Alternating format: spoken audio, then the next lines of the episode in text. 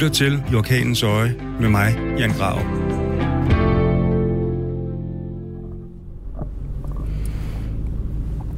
Velkommen til I Orkanens Øje. Jeg er kommet retur fra Sydsudan og er taget fra den ene yderlighed til den anden. Øh, jeg landede tidligt mandag morgen og øh, har i den forgangne uge holdt tre store foredrag i FN-byen. Jeg har været på Nærum Gymnasie og skal videre til Hedensted i Jylland og holde foredrag. Og øh, jeg holder i virkeligheden meget af de der foredrag, fordi at det giver mig et indblik i, hvad det er, mennesker tænker omkring ikke bare de historier, jeg fortæller, men også øh, om, om det at gribe ind, eller det at være engageret i, hvordan verden ser ud.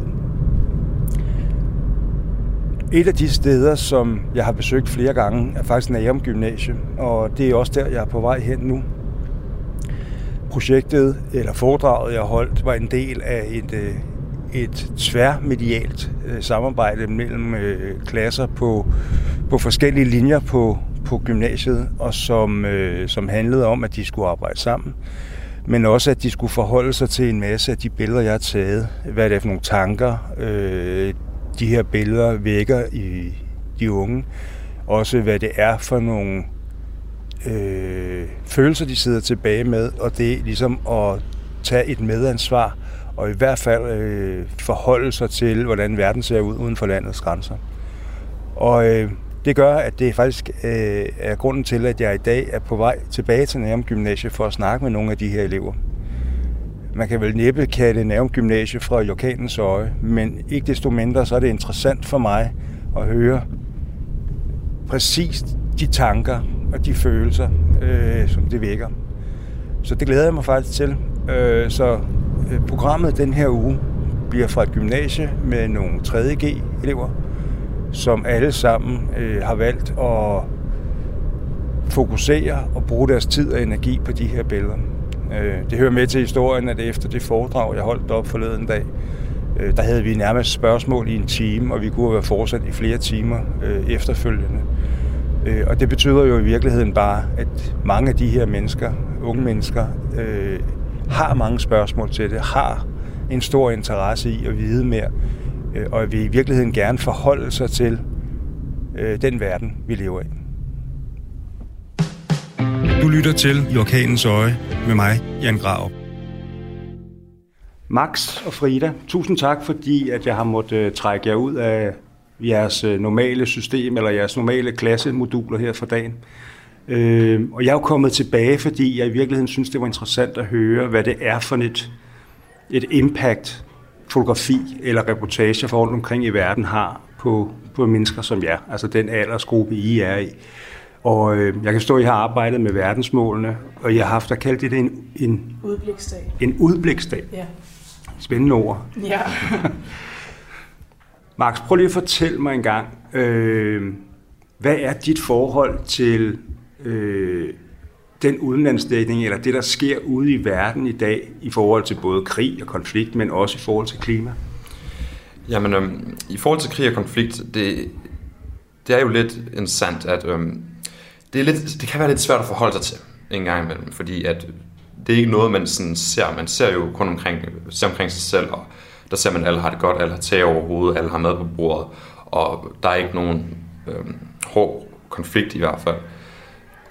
Og man hører rigtig mange om rigtig mange forskellige ting, der sker ude i verden af dårlige ting øh, rundt omkring i verden.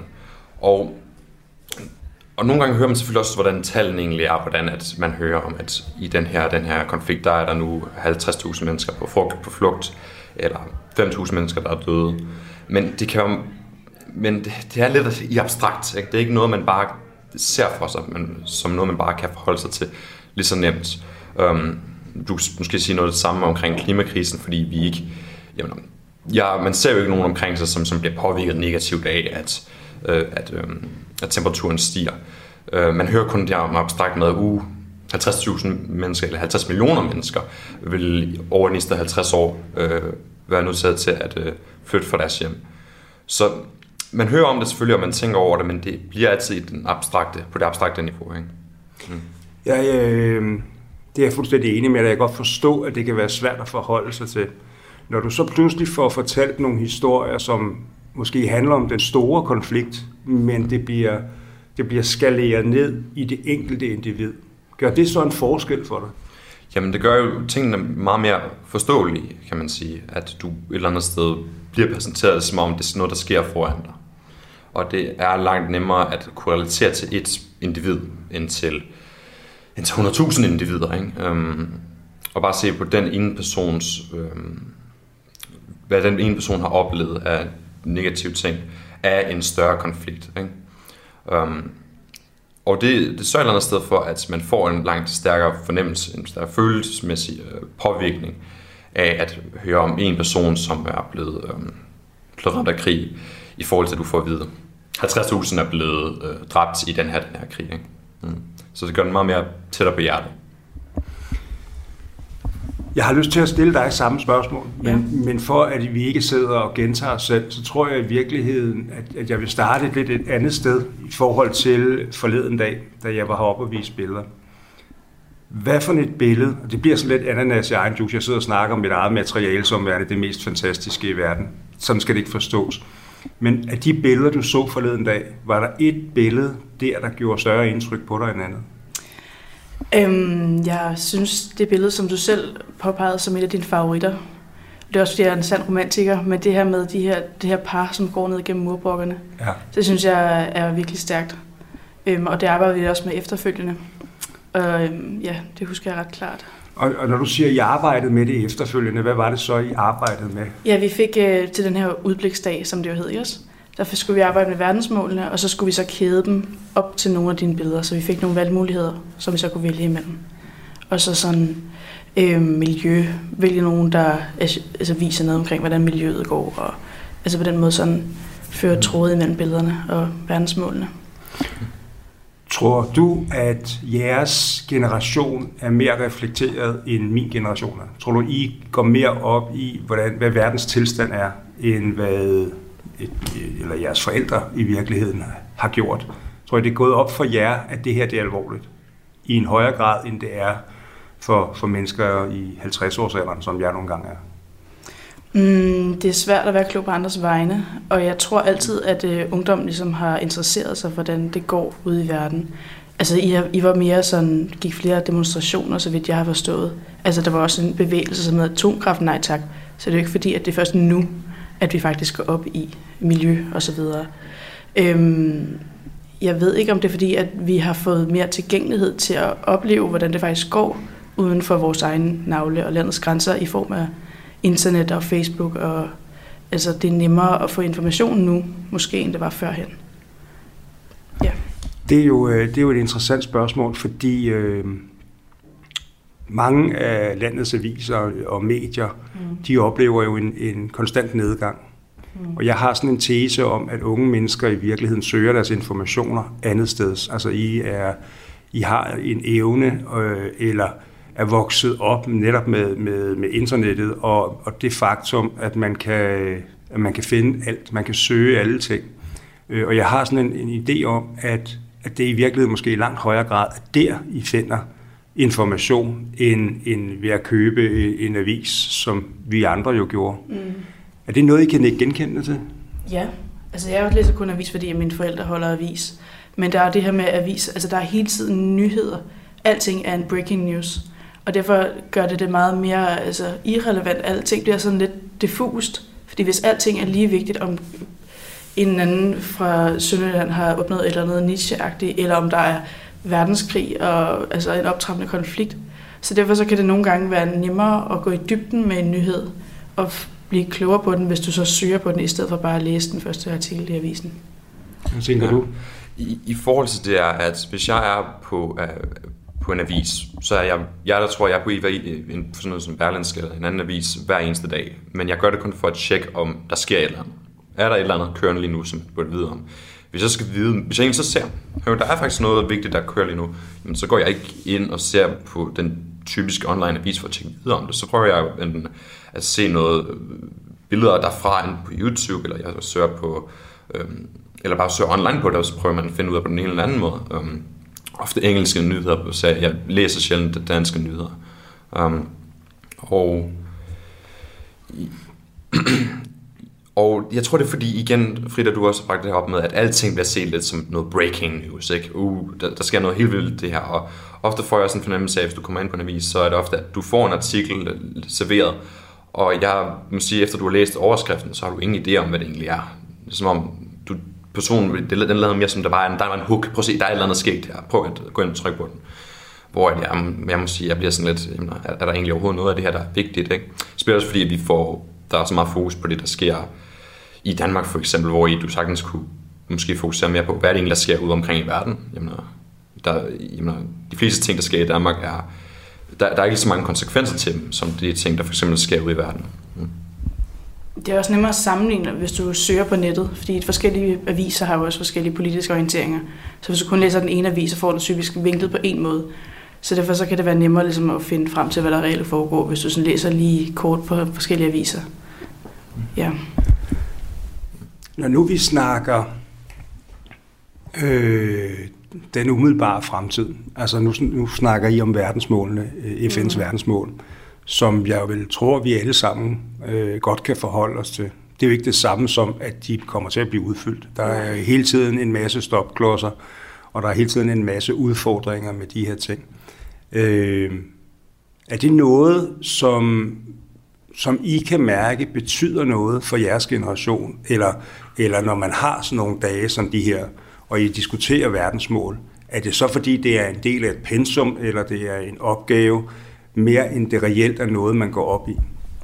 Det er helt klart noget, vi går op i. Altså, også, måske ikke lige, altså, det er jo ikke sådan, vi sidder og nørder verdensmålet nødvendigvis, men mere på et abstrakt niveau. Altså nogen, der er aktiv ungdomspolitisk og sådan nogle ting. Øhm, og det er jo også, vi har jo hele tiden tanker om, hvordan vores fremtid kommer til at se ud, hvad vi kommer til at beskæftige os med, hvilke evner vi skal ligge hvor, og hvad vi kan bidrage med. Så på den måde, så er FN's verdensmål jo en, en tegning af, eller en model af, hvordan man gerne vil have fremtiden til at se ud. Og derfor for ligesom at kunne se sig selv i, lidt i relief i forhold til, hvad man selv skal i fremtiden. Så det er nogle overvejelser, som man gør. Ja. I, lige præcis i forhold til FN-målene, der nogle af, dem, nogle af FN's mål tænker øh, mange unge, unge mennesker om. Jeg ved ikke, om der er så mange unge mennesker, der nødvendigvis tænker om, hey, nu skal vi få ændret, øh, nu skal vi sørge for, at der ikke er nogen, der længere er fattige. Også fordi det, det kan være lidt svært. Jeg ved ikke, om der nødvendigvis er nogen, i hvert fald de fleste unge har, kan i hvert fald ikke se nogen metoder, hvorpå de kan prøve at øh, fremme det mål. Ikke?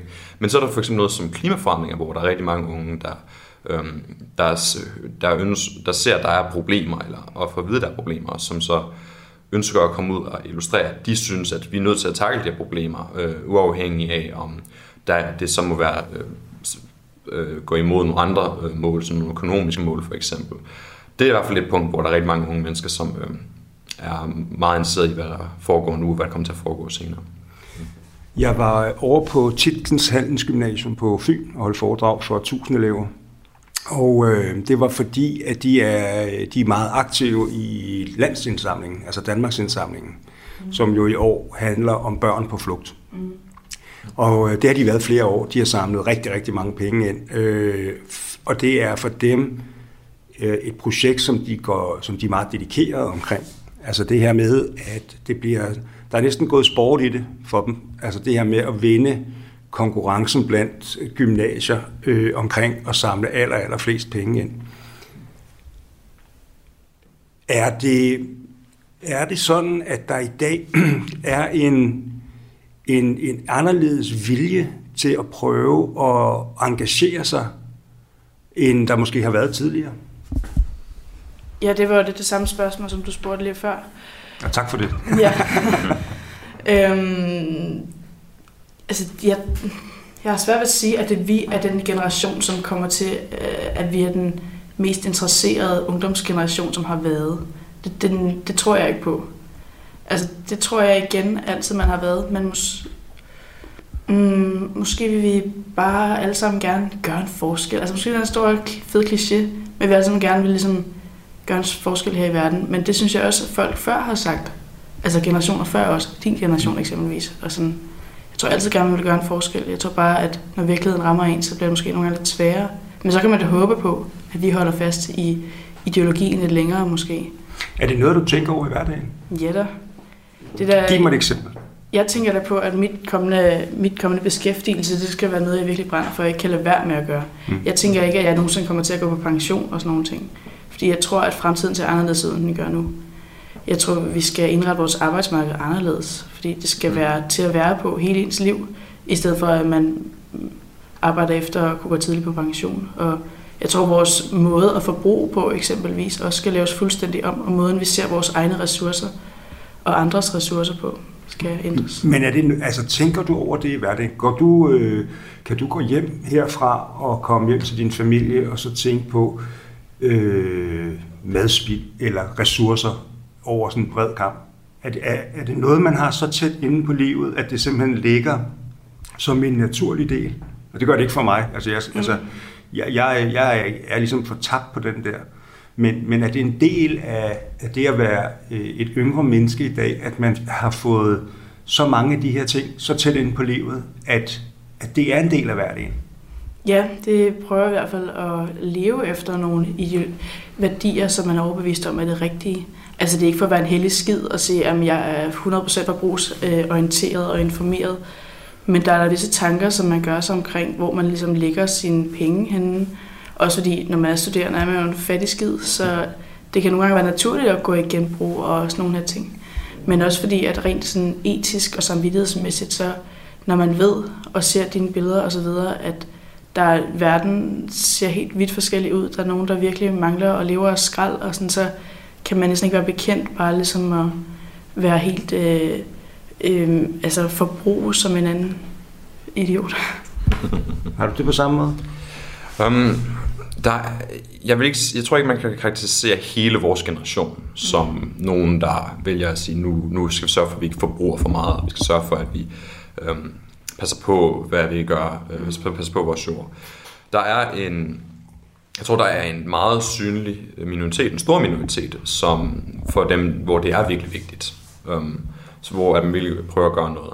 Og at alle et eller andet sted ved, hvad der er det rette at gøre. Der er ingen, der ikke er oplyst om, at man skal prøve ikke at bruge for, forbruge for meget, at alle er oplyst om, at du skal tænke over, øh, hvad din valg du tager, når du for eksempel køber noget. Um, um, jeg, når jeg ser på mig selv, så ser jeg, at jeg klart ikke ønsker at for eksempel bare smide mad ud, fordi madspil selvfølgelig er noget lort.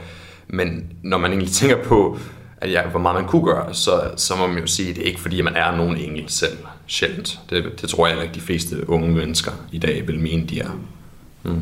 Jamen, jeg tror også, det er mere det der med, altså nu snakker vi om madspil og sådan nogle mindre ting i hverdagen. Du spurgte det der med, om man tænker på det i forhold til sin fremtid og sådan nogle ting. Altså det er mere at kunne se det i store linjer, og tænke, okay, hvordan har vi det lige nu?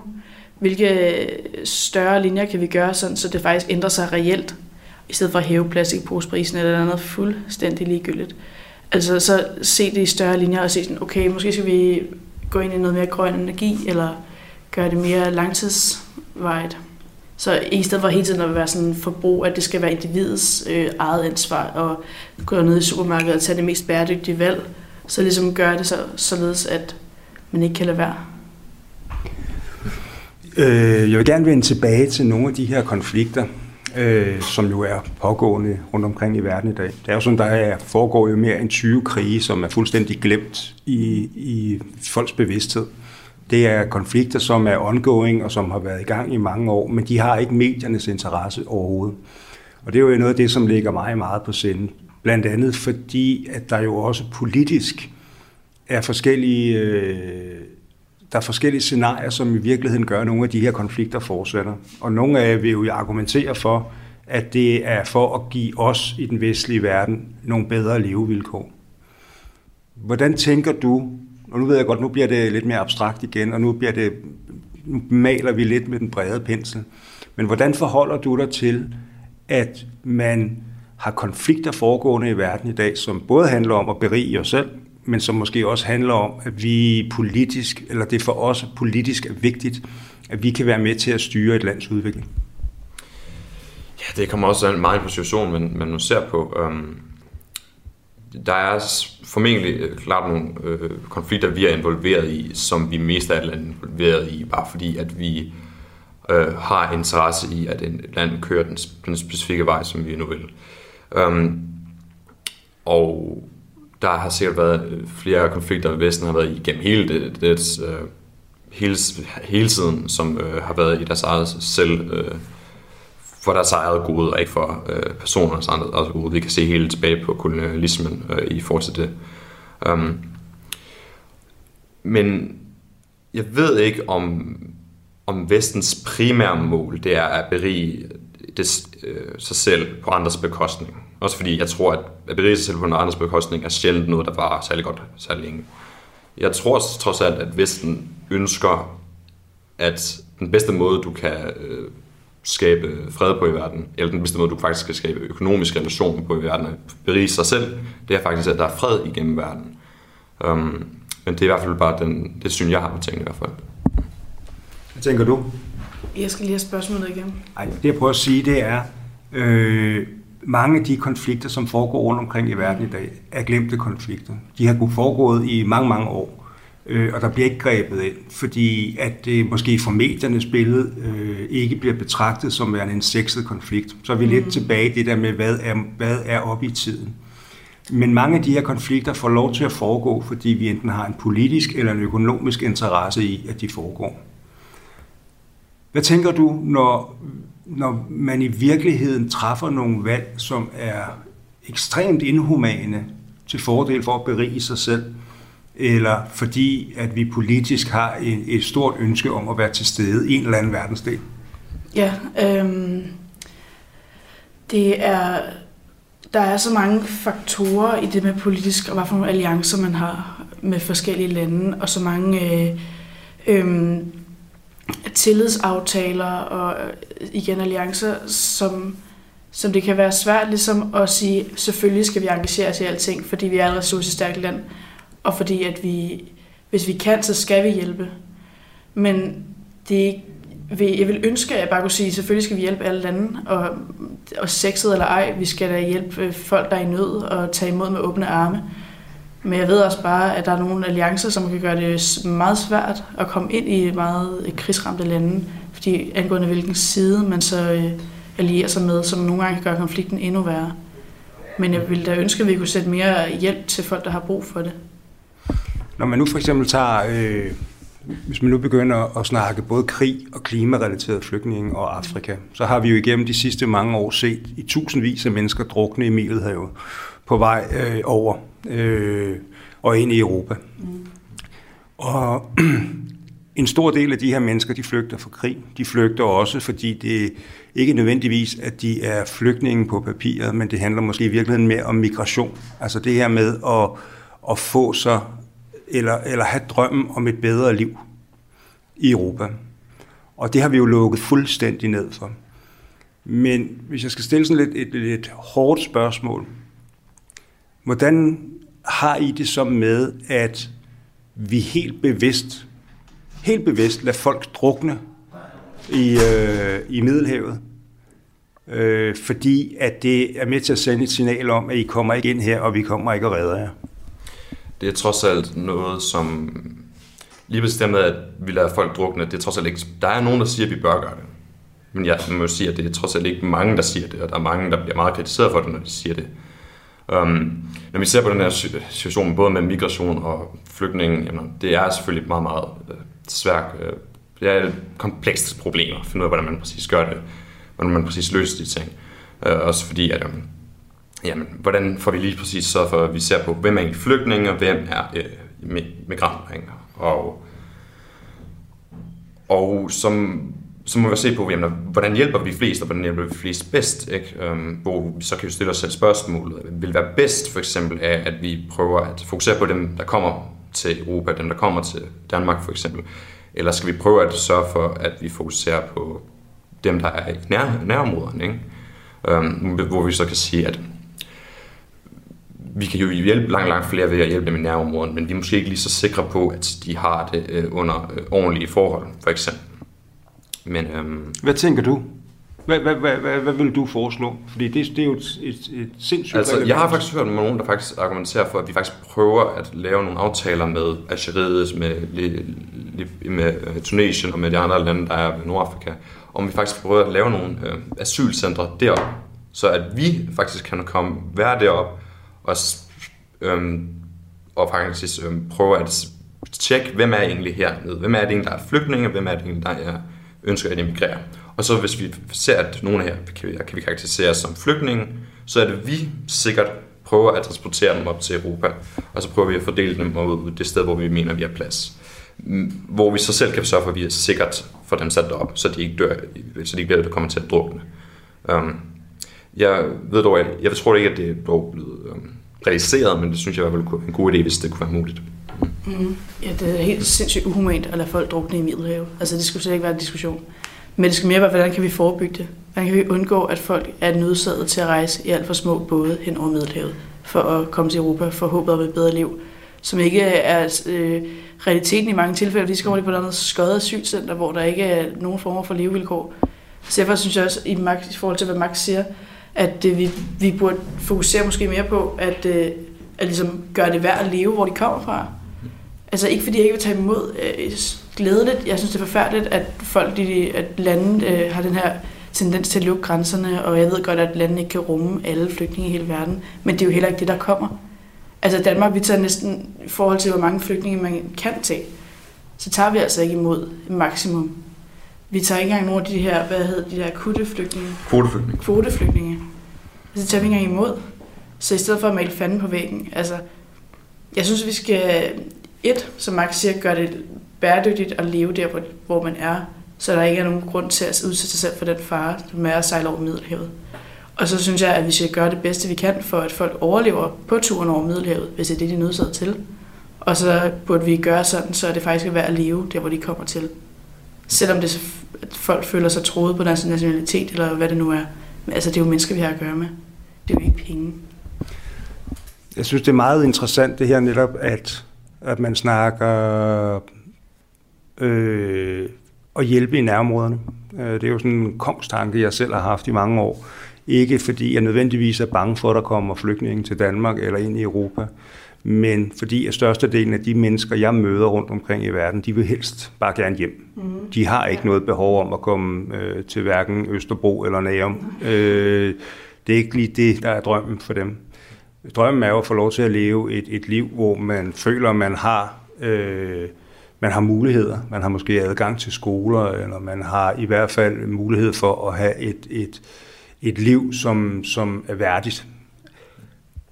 Hvis I nu skulle prøve at tænke over, hvad I mener er den største udfordring i verden i dag. Hvad det, som I helt personligt, ikke, ikke nødvendigvis i forhold til, til verdensmål, men, men der, hvor man kan vågne om natten helt svedet og sige, hvordan fanden skal det nogensinde gå? Hvad er den største udfordring, som I ser det i verden i dag? Jeg er personligt bekymret for den her tendens til, at landene lukker sig om sig selv. At øh, vi har Brexit, folk trækker sig ud, og vi har Trump i USA, som helst bare vil have USA af USA og lukker sig. Øhm, og vi har øh, de her dem, altså de her nationale, nationalistiske partier, som tårner frem både i Sverige og i Danmark. Altså stram kurs i Danmark er et ekstremt eksempel og i Sverigedemokraterne, eller hvad hedder det nu, i Sverige, øhm, som alle har den tendens til, at de ligesom ikke vil søge ud af. Og jeg tror, at i Danmark og i alle mulige andre lande, så er vores styrke, og jeg tror, vi bliver en bedre, mere ressourcestærkt land, og jeg tror, vi bliver klogere, og jeg tror simpelthen, at, at samtalen og samarbejde på tværs af grænserne er vejen frem. Så det var bekymret mig meget, at der er den her tendens til at trække sig Altså højre drejning herhjemme Lige og i Europa, og, ja. og, og Trump, som jo sidder og ja. er gået helt balalaika i USA. Ja, og snakker om mur og alt muligt. Altså, lært af historien, mur har aldrig været en løsning. Tværtimod. Ja, så højre drejning er nok det, der skræmmer mig mest. Jeg tror faktisk, at jeg har fokuseret på noget, jeg i hvert fald selv har tænkt rigtig meget over. Det er noget, der jeg minder lidt om. Jeg tror blandt andet en af grundene til, at tingene har udviklet, tingene udviklet sig, som de har både med Trump og med, hvad vi ser i Europa. Men det er, at vi ser en meget... Jeg ser et, en stor, stor del af befolkningen, og, en, og hvad vil du sige, kan du kalde det eliten, eller whatever du kalder den, går længere og længere væk fra hinanden. De, de taler mindre og mindre sammen, man bor meget, meget mindre grad med folk, der bor på for eksempel på et andet økonomisk niveau end en selv. Og hvad jeg ser, det er, at, der, at de forskellige lande det er simpelthen bare opdelt økonomisk. Rigtig, rigtig meget. Og med folk, der simpelthen ikke taler med hinanden. Og du ser for eksempel i USA, hvor at du ser alle dem, der bor i de store byer, være, se på sådan en person som Trump, og tænke det meste af det nok formentlig det samme, som de fleste danskere gør, ser ham lidt som en klon, øh, eller en idiot, hvad du nu kalder det. Men så ser du alle de her personer, som, som er, lever i midt, midt i landet, som ikke oplever økonomisk udvikling på noget nær det, som der bliver oplevet for eksempel ude ved kysterne. Som et eller andet sted siger, hør her, vi synes, at systemet simpelthen bare er så korrupt, at vi ønsker bare en, der kommer ud med en knytnæve og bare ødelægger systemet fuldstændig. Og jeg tror selv, så vil jeg i hvert fald se, at det er en konsekvens af, at man simpelthen har en største opdeling i vestlige lande, afhængig af sådan som økonomiske forhold. Jamen, jeg kan jo se på os selv, vi bor i et forholdsvis øh, højt økonomisk, hvad kan man sige, område, ikke? Men hvornår er det, vi nogensinde egentlig øh, en, taler med folk, der fra ja, underklassen, eller der var på 50. Øh, eller hvad du vil kalde det. Det er selv, vi egentlig gør det, nu jeg egentlig tænker over det. Og jeg, jeg er bare bange for, at vi i højere og højere grad øhm, bliver fordelt afhængig af vores økonomiske niveau, og som sørger for, at vi ikke vi bliver ikke ligesom Nå, unified, hvad det vil kalde det. Ja. Altså du mener, det bliver, samfundet bliver mindre homogent, fordi at man beskæftiger sig, eller man, man typisk ja. søger mennesker, som måske er på ens eget niveau i forhold til uddannelse eller økonomi. Ja. Og at der så sidder en masse grupper af mennesker, som er et helt andet sted. Præcis, så vi så kommer til en større og større opdeling af folk. Ja. Som, så derfor vi ser, at der er helt vildt mange mennesker, som slet ikke kan forstå Trump, og så er helt vildt mange mennesker, der elsker Trump for eksempel. Ikke? Og jeg er bare bange for, hvad det kan føre til, hvis det bliver udviklet sig i en endnu vildere, øh, end det allerede har gjort. Kender I personligt nogen flygtninge i Danmark? Nej. Øhm, jeg har, min storebror har en ven, som øh, er født i Nigeria. Okay. Og så bor han i Danmark også med hans forældre og hans bror. Men, men I, I, har ikke, I, I har ikke et kendskab, der, altså der er ikke nogen mennesker, som enten har gået her på gymnasiet, eller, eller i jeres, gennem jeres opvækst, som har en, en anden baggrund, som, som man vil betragte som værende mennesker, som måske ikke havde været flygtninge på et tidspunkt, eller er kommet hertil med deres forældre? Nej, faktisk så kan jeg ikke sige, at jeg kender særlig mange, der overhovedet har, har forældre, der kommer fra andet end øh, den mest udviklede del af verden. Ikke? Øhm, eller det, det er sandt nok. Der kan man ikke sige, at jeg kender så mange. ikke i hverdagen. Jeg har været på noget arbejdscamp i Frankrig, hvor der selvfølgelig var nogen. Øhm, men jeg tror også faktisk, for det ikke skal være løgn, at Rådstad Kommune har betalt en vis sum for ikke at få så mange flygtninge boende i Rådstad Kommune. Så derfor så, nej, er der ikke så mange i min omgangskreds. Tror I, det vil, øh, tror I, det vil bidrage med noget, hvis man lærte folk at kende og hørte deres historie? Øh, tror I, at det vil øh, udvide ens horisont i forhold til, øh, til forståelse? Altså i forhold til forståelse, øh, vi ved i hvert fald, at folk, der har, øh, der typisk bor nær, øh, kan man kalde det, øh, folk, der er flygtninge, har typisk lidt mere øh, positive holdninger i forhold til flygtningen. Og på den måde kunne det måske være sandt. Øh, hvad jeg selv ser, som kunne være positivt, hvis der er en større interaktion mellem øh, flygtning og øh, hvad kan man sige, øh, almindelige danskere, jeg ved, hvad man vil kalde det. Øhm, det vil være, at der vil måske komme en nem, nemmere for dem øh, flygtninge egentlig at integrere, hvis det, det så de selvfølgelig ønsker. Det kan også godt være, at de ønsker bare at komme hjem, men det, det tror jeg i hvert fald vil være bedre, end hvis, det, hvis man bare lukker sig af i ens eget, eget community, ikke? som igen vil bare sørge for, at der er mindre samtale, mindre unification.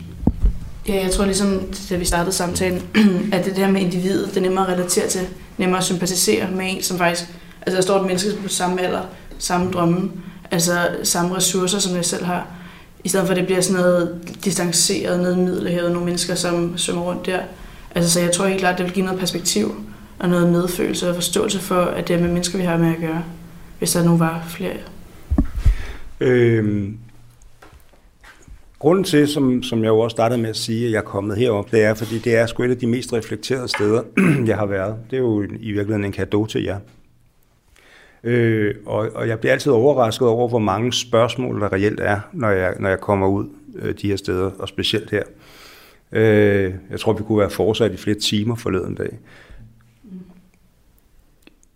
Er I, er I så privilegeret her, at I bare er mere engageret end andre steder? Eller var det bare nogle moduler, I skulle have overstået, og, og, jo længere man kunne trække? Nej, jeg, jeg tror, at folk trods alt er interesseret. Folk er interesseret i, hvad der foregår omkring dem, og også fordi, at det man jo ser, det er jo noget, man nemt, nemt kunne relatere til. Det du viste os, øh, billeder, som er, billeder, som har rigtig, rigtig, rigtig stærk øh, pasfølelse, som vækker nogle stærke følelser i os. Jeg tror, at specielt når det også det er konflikter, man måske et eller andet sted i baghovedet har hørt en enkelt gang, jamen uh, uh, det der sket i andre der. Men det er jo ikke noget, man rigtig får at vide om. Måske har man hørt nogle tal, ikke? Men, men når man så kan relatere til det, og man bliver følelsesmæssigt påvirket, jamen så tror jeg, at der er rigtig, rigtig mange, der... der det bliver, du, du vækker i hvert fald en interesse i dem, som ikke bare vil ske, hvis du bare fortalte om, jamen i, Rwanda skete det i 94, der skete det her, det her, det her. Whoopty, ikke? Jeg tror, at man virkelig vækker en, en interesse. Jeg, jeg, jeg tror, jeg kan, jeg kan ikke se, hvorfor at lige præcis at det her gymnasie, hvorfor det skulle være mere interesseret i, hvad der sker rundt omkring i verden, end andre steder. Men jeg ved ikke, om du har nogen øh, idéer til det? Jamen, jeg tror, det er fordi, I er mere privilegeret. Altså, kommer der, kommer der noget med, at hvis man er vokset op i et område, hvor der er en, en, en vis velstand og en vis friværdi, at det også gør, at man måske har et mentalt overskud til at engagere sig øh, og vende sig mere ud, ud mod verden, end hvis man, hvis man kommer fra et, et, et socialt miljø, hvor man måske er mere presset. Altså, jeg tror klart, at folk, der kommer fra et højere socialt miljø, de er mere øh, hvad kan man sige, globalt orienteret, hvor at øh, folk fra lidt øh, mindre niveau er mere nationalt orienteret, hvis du kan sige på den måde. Blandt andet fordi, at på grund af øh, global, øh, globalisme, så er hele verden meget mere øh, øh, connected, kan man vel sige, og det er det specielt på toppen af de økonomiske, øh, Øhm, hvad kan man sige, øh, latter, hvad man nu kalder det, økonomiske stige. Øh, så på den måde kan det godt være, at der er langt flere herfra, som hører om derhjemmefra, hvad der egentlig sker rundt omkring i verden, og som derfor er meget mere interesseret i det i forhold til, øh, som især på mindre øh, socialøkonomisk niveau. Ja, muligvis er det, som du siger, noget med mentalt overskud til at...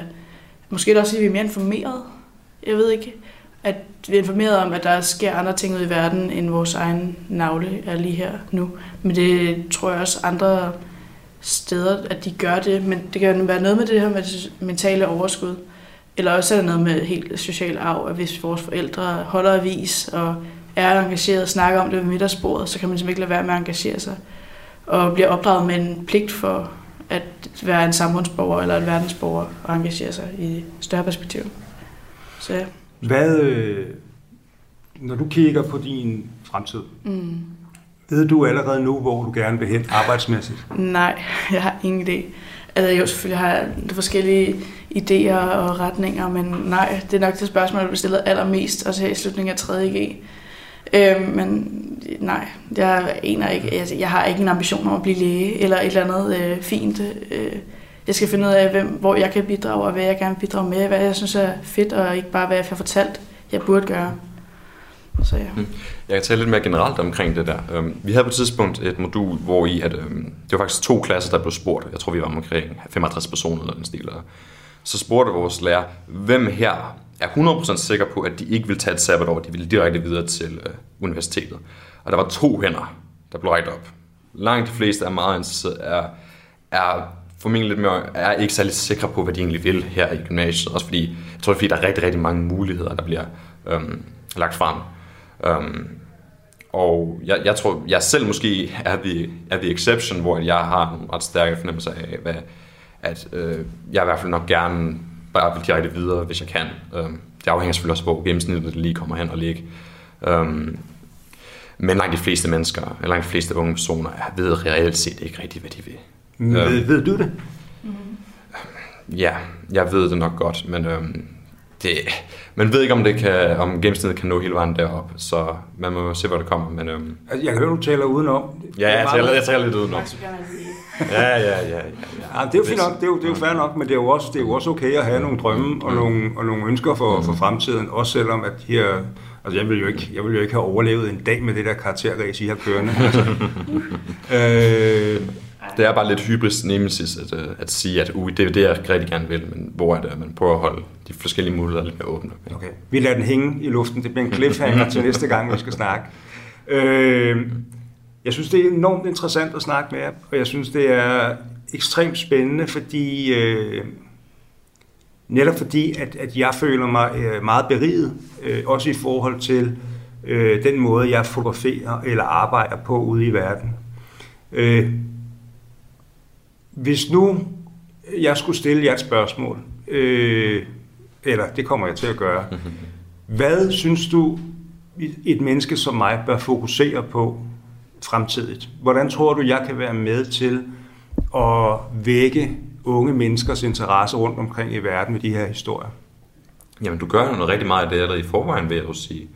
Jamen, hvad jeg jo et eller andet sted så som rigtig, rigtig godt, dit foredrag, det var, at du gjorde noget abstrakt konkret. Det var, at du sørgede for, at alle i lokalet, alle, hvor mange mennesker vi end var, nogle flere hundrede, tror jeg, at alle følte for de personer, du viste. At du simpelthen, at de her personer, som lever på den anden side af jorden, at vi alle sammen skulle føle noget for dem. Vi alle sammen havde empati for de her personer. Og det er jo, det er jo et eller andet sted noget magi, vil du kalde det. Um, og det er jo ja, magien ved billeder. Magi. Og jeg, jeg, jeg blev i hvert fald selv meget påvirket af det. Jeg ved ikke, om der er en speciel vinkel, du skal tage, enten for, øh, som nødvendigvis skulle gøre det bedre, men i hvert fald... Du tænker på et emne, for eksempel. Det kunne være, det kunne være øh, elektronisk affald, der bliver brændt af i Nigeria. Altså hver gang vi har brugt en mobiltelefon eller en computer, eller vi mm. skifter, så sender vi hele lortet ud af Europa, og så, så sidder der nogle, nogle fattige mennesker, som brænder de her maskiner af, for at få adgang til det kover, der er i maskinerne, eller den metal, der er i maskinerne. Og det er en kæmpe klimasønder, for eksempel. Mm. Men er der et, det kunne også være, det kunne være migration, det kunne være, øh, det kunne være noget politisk, øh, og det er sådan noget, der interesserer mig meget i forhold til at prøve at lave nogle historier, som er relevante, øh, som, som rækker ud over der, hvor mit eget mindset er. Mm-hmm. Altså, i forhold til, hvad du viste os, så var det jo, at du fortalte os, at du var meget engageret i sådan noget som klimaforandringer. Og at du også viste os øh, eksempler på, hvad der var sket efter forskellige jordskæld og sådan en stil. Men noget af det problemet med klimaforandringer, det er, at du kan ikke sige, at lige, lige præcis det her, det er på grund af klimaforandringer. Hvor i at, øhm, men man kunne måske sige, at den her, den her, den her ting, det kommer til at ske dobbelt så mange gange, lad os sige, på grund af klimaforandringer. Så derfor, hvis et godt sted, hvor man kunne prøve at gøre tingene konkrete, det er, når det kommer til klimaforandringer, fordi det er noget, der er mere abstrakt. Så at, jeg vil selv sige, at fokusere på de steder, hvor at, i hvert fald ting, der bliver påvirket af klimaforandringer, som siger, at det her kommer til at ske mere og mere og mere på grund af klimaforandringer. Det kunne gøre, ting meget, det kunne gøre klimaforandringer meget mere håndgribeligt for unge mennesker og for alle mennesker generelt set. Modtaget. Den tager jeg på mig. Mm. Ja, jeg skal blive ved med at informere. Altså misinformation, tror jeg, er vejen til helvede. Øhm, så blive ved med at tage billeder af de ting, som ikke bliver snakket om, og blive ved med at informere omkring de konflikter, som ikke bliver dækket af den gængse medieflade. Øhm, ja, fordi så kan man ligesom sætte, træffe stemme efter et informeret grundlag. Og igen, øh, det der med ressourcerne, tage billeder af de her ting, ikke, som sker med at brænde øh, teknologien af. Og sådan. Altså, jeg informerer, bliver ved med at tage billeder af det, som der faktisk sker ud i verden. I skal have tusind tak, fordi at jeg måtte øh, tage en time eller 40 minutter af jeres tid. Det har været en stor fornøjelse at snakke med. Mm. Øh, det var hyggeligt at være. Det er godt, det er godt. Og måske en lille smule udfordrende, jeg ved ja. godt, det er. Jamen, det er meget godt, så kan I... Det er godt at blive udfordret. øh, tusind tak for jeres tid. Øh, det har været en fornøjelse at møde og jeg glæder mig til at komme øh, tilbage herop. Men så er I jo selvfølgelig gået ud, kan man sige, i mellemtiden. Ja. Så, må vi, øh, så kan det være, at jeg finder dig et eller andet sted, og vi kan få løst den der cliffhanger med, hvad der skal ske fremadrettet. Vi må se, hvad der sker til den tid. tak for det. Du lytter til I Orkanens Øje med mig, Jan Grav.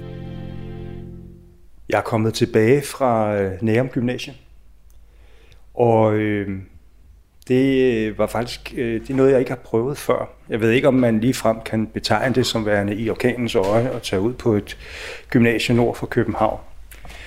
Men øh, det, som har været vigtigt for mig, øh, det er netop, når jeg kommer et sted hen, som, som jeg gjorde i Navn, og oplever alle de spørgsmål, som folk har.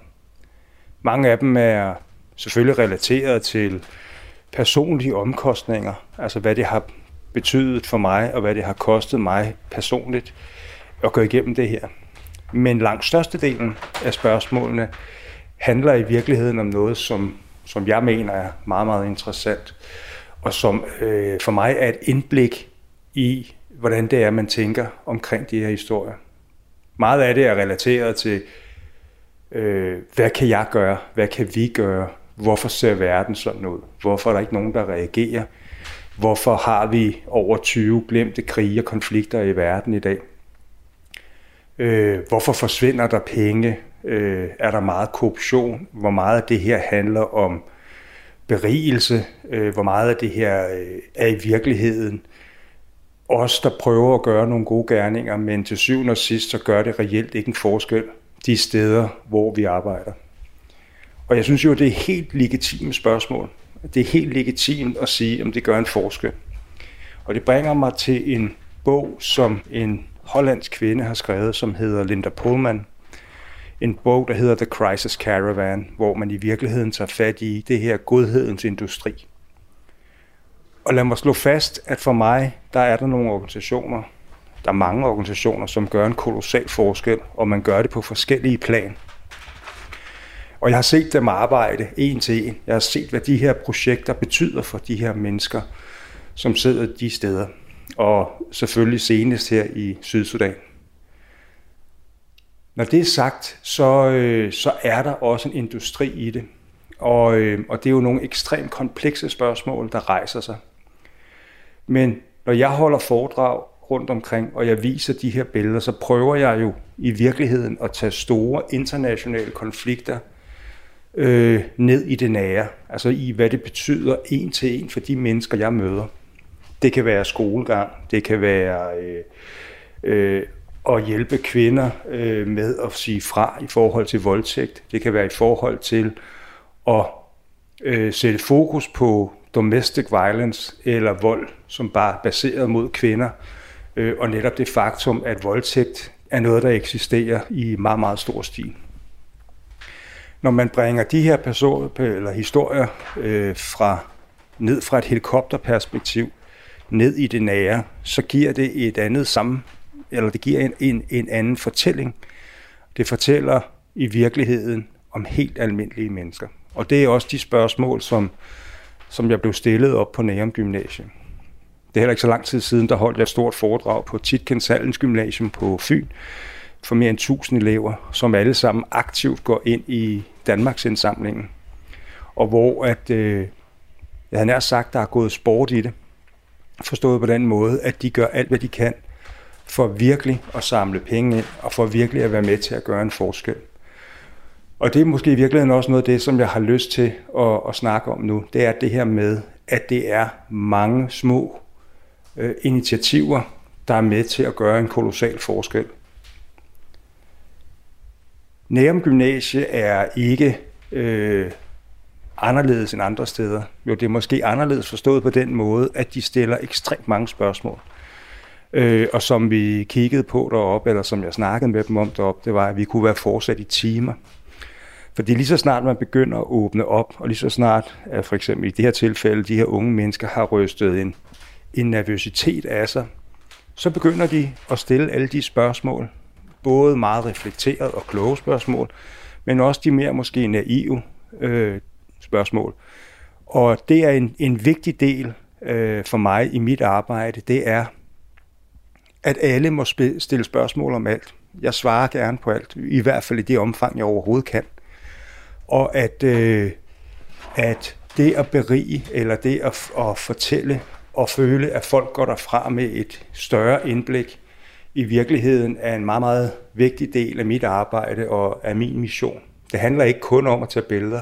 Det handler også om at fortælle om billederne, og det handler om at fortælle både i, i ord, men også i tekster. Altså være med til at lave nogle billedtekster, som er uddybende og som har en, øh, en forklaring.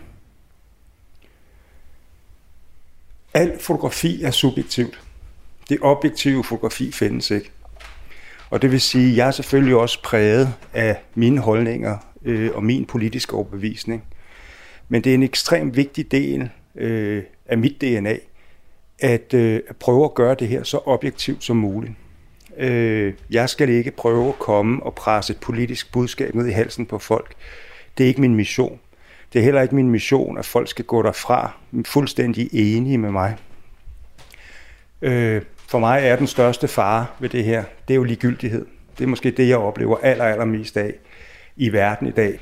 Øh, og når jeg siger i verden, så mener jeg jo i forbindelse med de udstillinger, jeg har turnerende rundt i verden i dag. Jeg har 14. Øh, øh, og de reportager, jeg laver både til danske og udenlandske magasiner. Øh, det ligger i refleksionen. Det ligger i det her med, at man forholder sig til det, man har set og det, man har læst. Man gør op med sig selv, hvor man i virkeligheden selv står i det her. Øh, og så må man som sagt gerne være uenig med mig. Men så længe man har en dialog omkring det, og en, en, en diskussion, som er savlig, så kan vi sagtens være uenige. Og det tror jeg også, der sker, når jeg er på et gymnasie som forleden dag. Og jeg ved, det sker, når jeg rejser rundt og holder foredrag øh, rundt omkring i landet. Det har jeg diskuteret mange gange med folk, som har været til stede. Øh, og et af de argumenter, jeg jo oftest hører, det er, vil du bare lukke grænserne op? Og nej, det vil jeg ikke. Jeg er helt med på, at der er en politik. Jeg er helt med på, at der er muligheder i det danske samfund, men og også i Europa. Øh, og derfor så handler det ikke om at være naiv eller blåøjet i forhold til det her. Der er også stor forskel på flygtningen og på migration. Men omvendt må jeg også erkende, at jeg kan godt forstå, at folk flygter. Øh, også selvom at de i virkeligheden kun flygter for et bedre liv. Jeg vil selv gøre det samme, hvis jeg stod i de situationer, jeg oplever rundt omkring i verden. Og prøver at forbedre mine egne levevilkår, mine egne muligheder for at have et tåleligt liv.